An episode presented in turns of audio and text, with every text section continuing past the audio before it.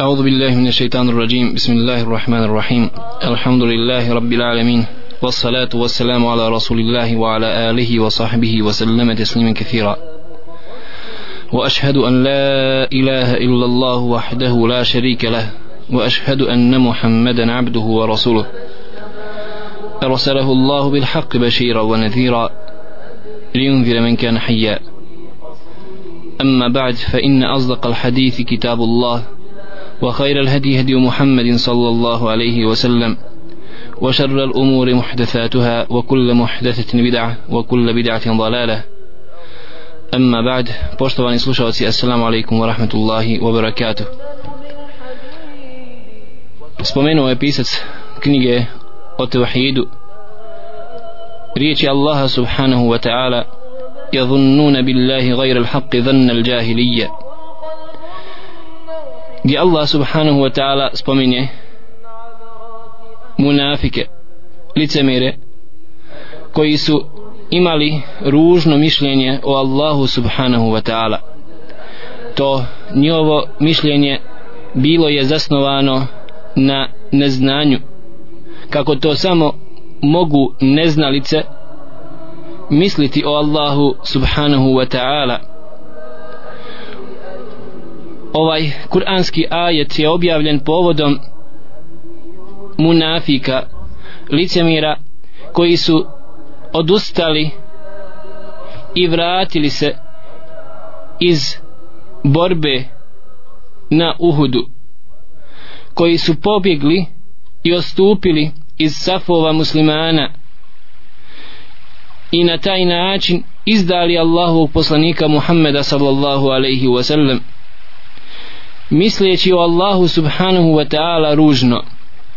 Kažu komentatori ovog kuranskog ajeta mislili su o Allahu subhanahu wa ta'ala ružno na taj način što su se suprostavili odredbi Allaha subhanahu wa ta'ala misleći da se neće vratiti Allahu poslanik Muhammed sallallahu alaihi wa sallam iz bitke živ niti da će se vratiti ashabi Allahu poslanika Muhammeda sallallahu alaihi wa sallam.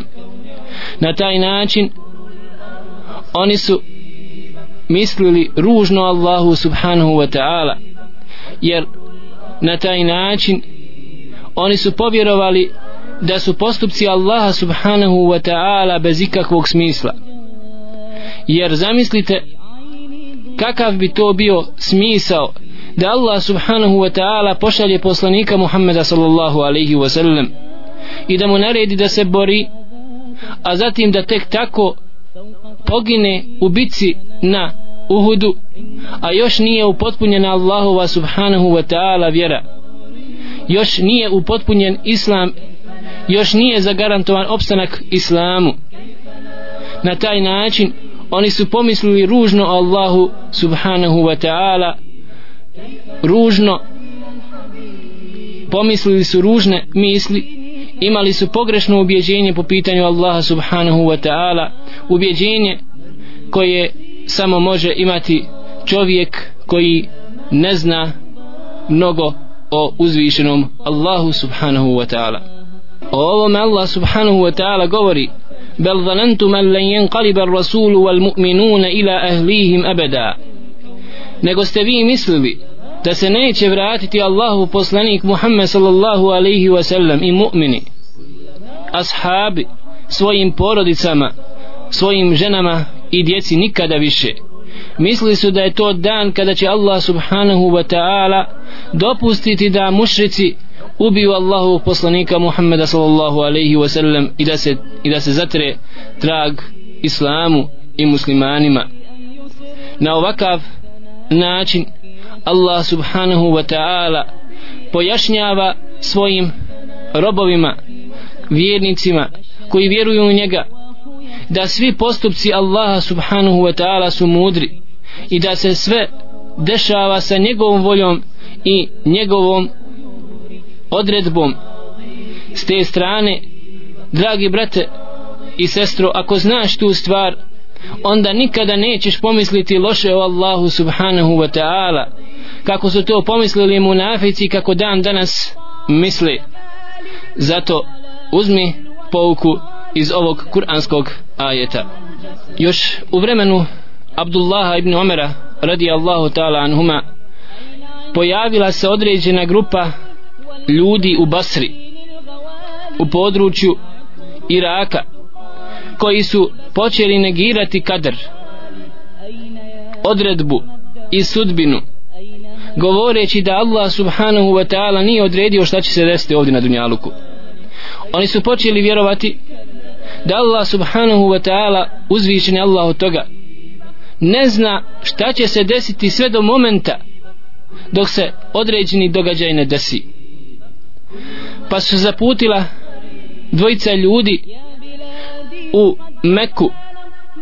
Ne bili susreli nekoga od ashaba Allahovog poslanika Muhammeda sallallahu alaihi wa sallam pa da ga upitaju o ovom po pitanju ove mesele ove problematike. Pa su se susreli sa Abdullahom ibn Omerom radi Allahu ta'ala anhuma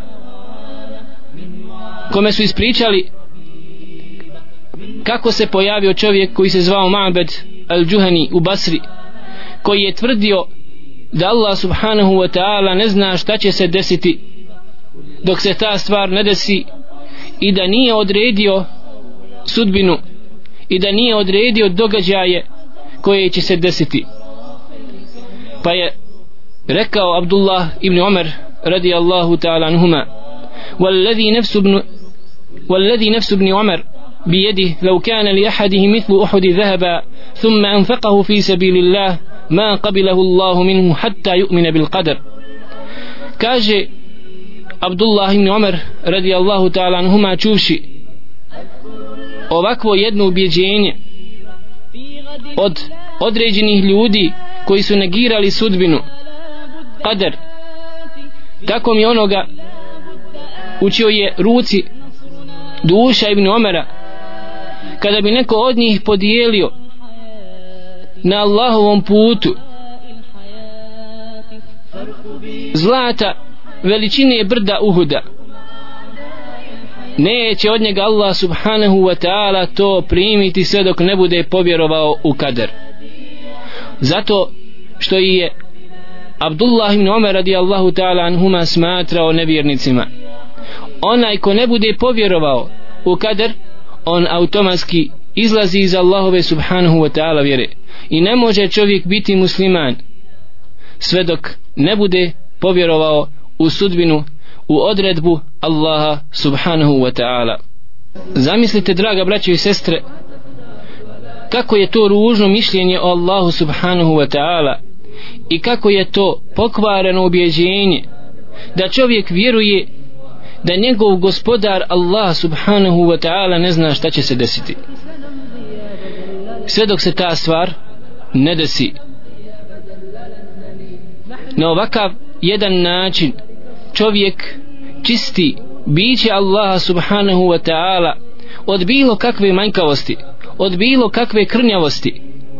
Jer kakvo bi to bilo božanstvo kada ne bi sve znalo kada njegovo znanje ne bi bilo apsolutno pa čak da ne zna ko će ući u džennet a ko će ući u džahannam s te strane jedna od fajdi i koristi vjerovanja u kader jeste čišćenje Allaha subhanahu wa ta'ala od bilo kakve manjkavosti po pitanju znanja gdje je Allahovo subhanahu wa ta'ala znanje sveobuhvatno na taj način što on sve zna sve je to odredio i sve je to zapisao i ništa se ne dešava ovdje na ovom dunjaluku bez njegove volje i bez njegovog određenja. Čuvši Abdullah ibn Umar radijallahu ta'ala anhuma ovu novotariju po pitanju vjerovanja u kader koja nije bila poznata među ashabima Allahovog poslanika Muhammeda sallallahu alaihi wa sallam je rekao tada poznati hadith od Omer ibn Khattaba svoga babe kada je došao melek Džibril Allahovom poslaniku Muhammedu sallallahu alaihi wa sallam dok su ashabi sjedili u njegovom društvu u društvu poslanika sallallahu alaihi wa sallam u obliku u liku čovjeka gdje je bio izuzetno crne kose čovjek taj koji je došao i bio je izuz, imao je na sebi izuzetno jako čisto bijelo odijelo. Na njemu se nisu vidjeli tragovi putovanja niti ga je iko od ashaba Allahu poslanika sallallahu alaihi wasallam znao. Tada je upitao ovaj nepoznati čovjek Allahovog poslanika sallallahu alaihi wasallam šta je islam šta je iman šta je to vjerovanje i šta je ihsan zatim kada će biti sudni dan pa je Allahu poslanik sallallahu alaihi wasallam odgovorio na njegova pitanja. Jedno od tih pitanja je bilo što je to vjerovanje. Gdje je rekao Allahu poslanik sallallahu alaihi wasallam temeljne stvari ruknove našeg vjerovanja bez čijih postojanja ne može opstojati naša građevina koja se zove iman a to je الإيمان أن تؤمن بالله وملائكته وكتبه ورسله واليوم الآخر وتؤمن بالقدر خيره وشره vjerovanje je iman je da vjeruješ u Allaha subhanahu wa ta'ala i njegove meleke i njegove knjige i njegove poslanike i sudnji dan i da vjeruješ u kader u sudbinu u određenje Allaha subhanahu wa ta'ala da se sve to dešava bilo dobro bilo zlo sa odredbom uzvišenog Allaha subhanahu wa ta'ala. U ovom hadisu spomenuo je Allahu poslanik sallallahu alaihi wa sallam da vjeruješ dragi brate i sestro u Allaha subhanahu wa ta'ala. A vjerovanje u Allaha jalla ša'nu podrazumiva četiri stvari. Vjerovanje da Allah subhanahu wa ta'ala postoji. Zatim da vjeruješ da je on Allah subhanahu wa ta'ala gospodar svega što postoji i da je on apsolutni vladar svih stvari i da on upravlja i održava sve što postoji. Da ništa ne izlazi iz podčinjenosti njemu subhanahu wa ta'ala. Da je on taj koji daje život i na faku da je on taj koji daje život i smrt i sve ono što podrazumijeva vjerovanje u to da je on gospodar svega. Treća stvar podrazumijeva da vjeruješ dragi brate i sestro da samo on uzvišeni Allah subhanahu wa ta'ala zaslužuje da biva obožavan i da samo njemu svoje obredoslovlje svoj ibadet upućuješ. I četvrta stvar da vjeruješ da je on Allah subhanahu wa ta'ala opisao sebe u Kur'anu i nazvao sa lijepim imenima i uzvišenim svojstvima. Zatim je spomenuo Allahu poslanik Muhammed sallallahu alaihi wa sallam o melaiketihi da vjeruješ u Allahove subhanahu wa ta'ala meleke. Melek dolazi ime melek dolazi od arapske riječi al aluke što znači pismo. Kao da je on taj koji donosi nešto a to je objava od Allaha subhanahu wa ta'ala njegovim poslanicima ljudima. Vjerovati u meleke draga braće i sestre jese temeljna stvar našeg vjerovanja. Da su to biće koje Allah subhanahu wa ta'ala stvorio od svjetlosti. Ne pitamo o kakvoj je to svjetlosti riječ jer nigdje nam nije Allah subhanahu wa ta'ala to pojasnio niti njegov poslanik Muhammed sallallahu alaihi wa sallam. Ali vjerujemo da su stvoreni od svjetlosti. Kako je to uzvišni Allah spomenuo.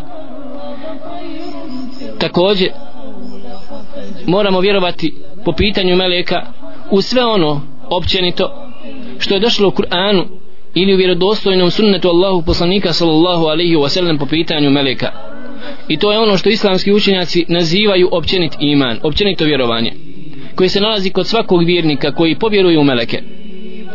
Što podrazumijeva da vjeruješ dragi brate i sestro u sve ono što je došlo od imena meleka koji uzvišni Allah recimo spomenuo u Kur'anu kao melek Džibril koji je zadužen i opunomoćen za dostavljanje objave poslanicima ljudima ili da vjeruješ u meleka Mikaila koji je zadužen za spuštanje kiše ili Israfila koji je zadužen za, pušta, za puhanje u sur, u rog u čijem puhanju se nalazi život za mrtve.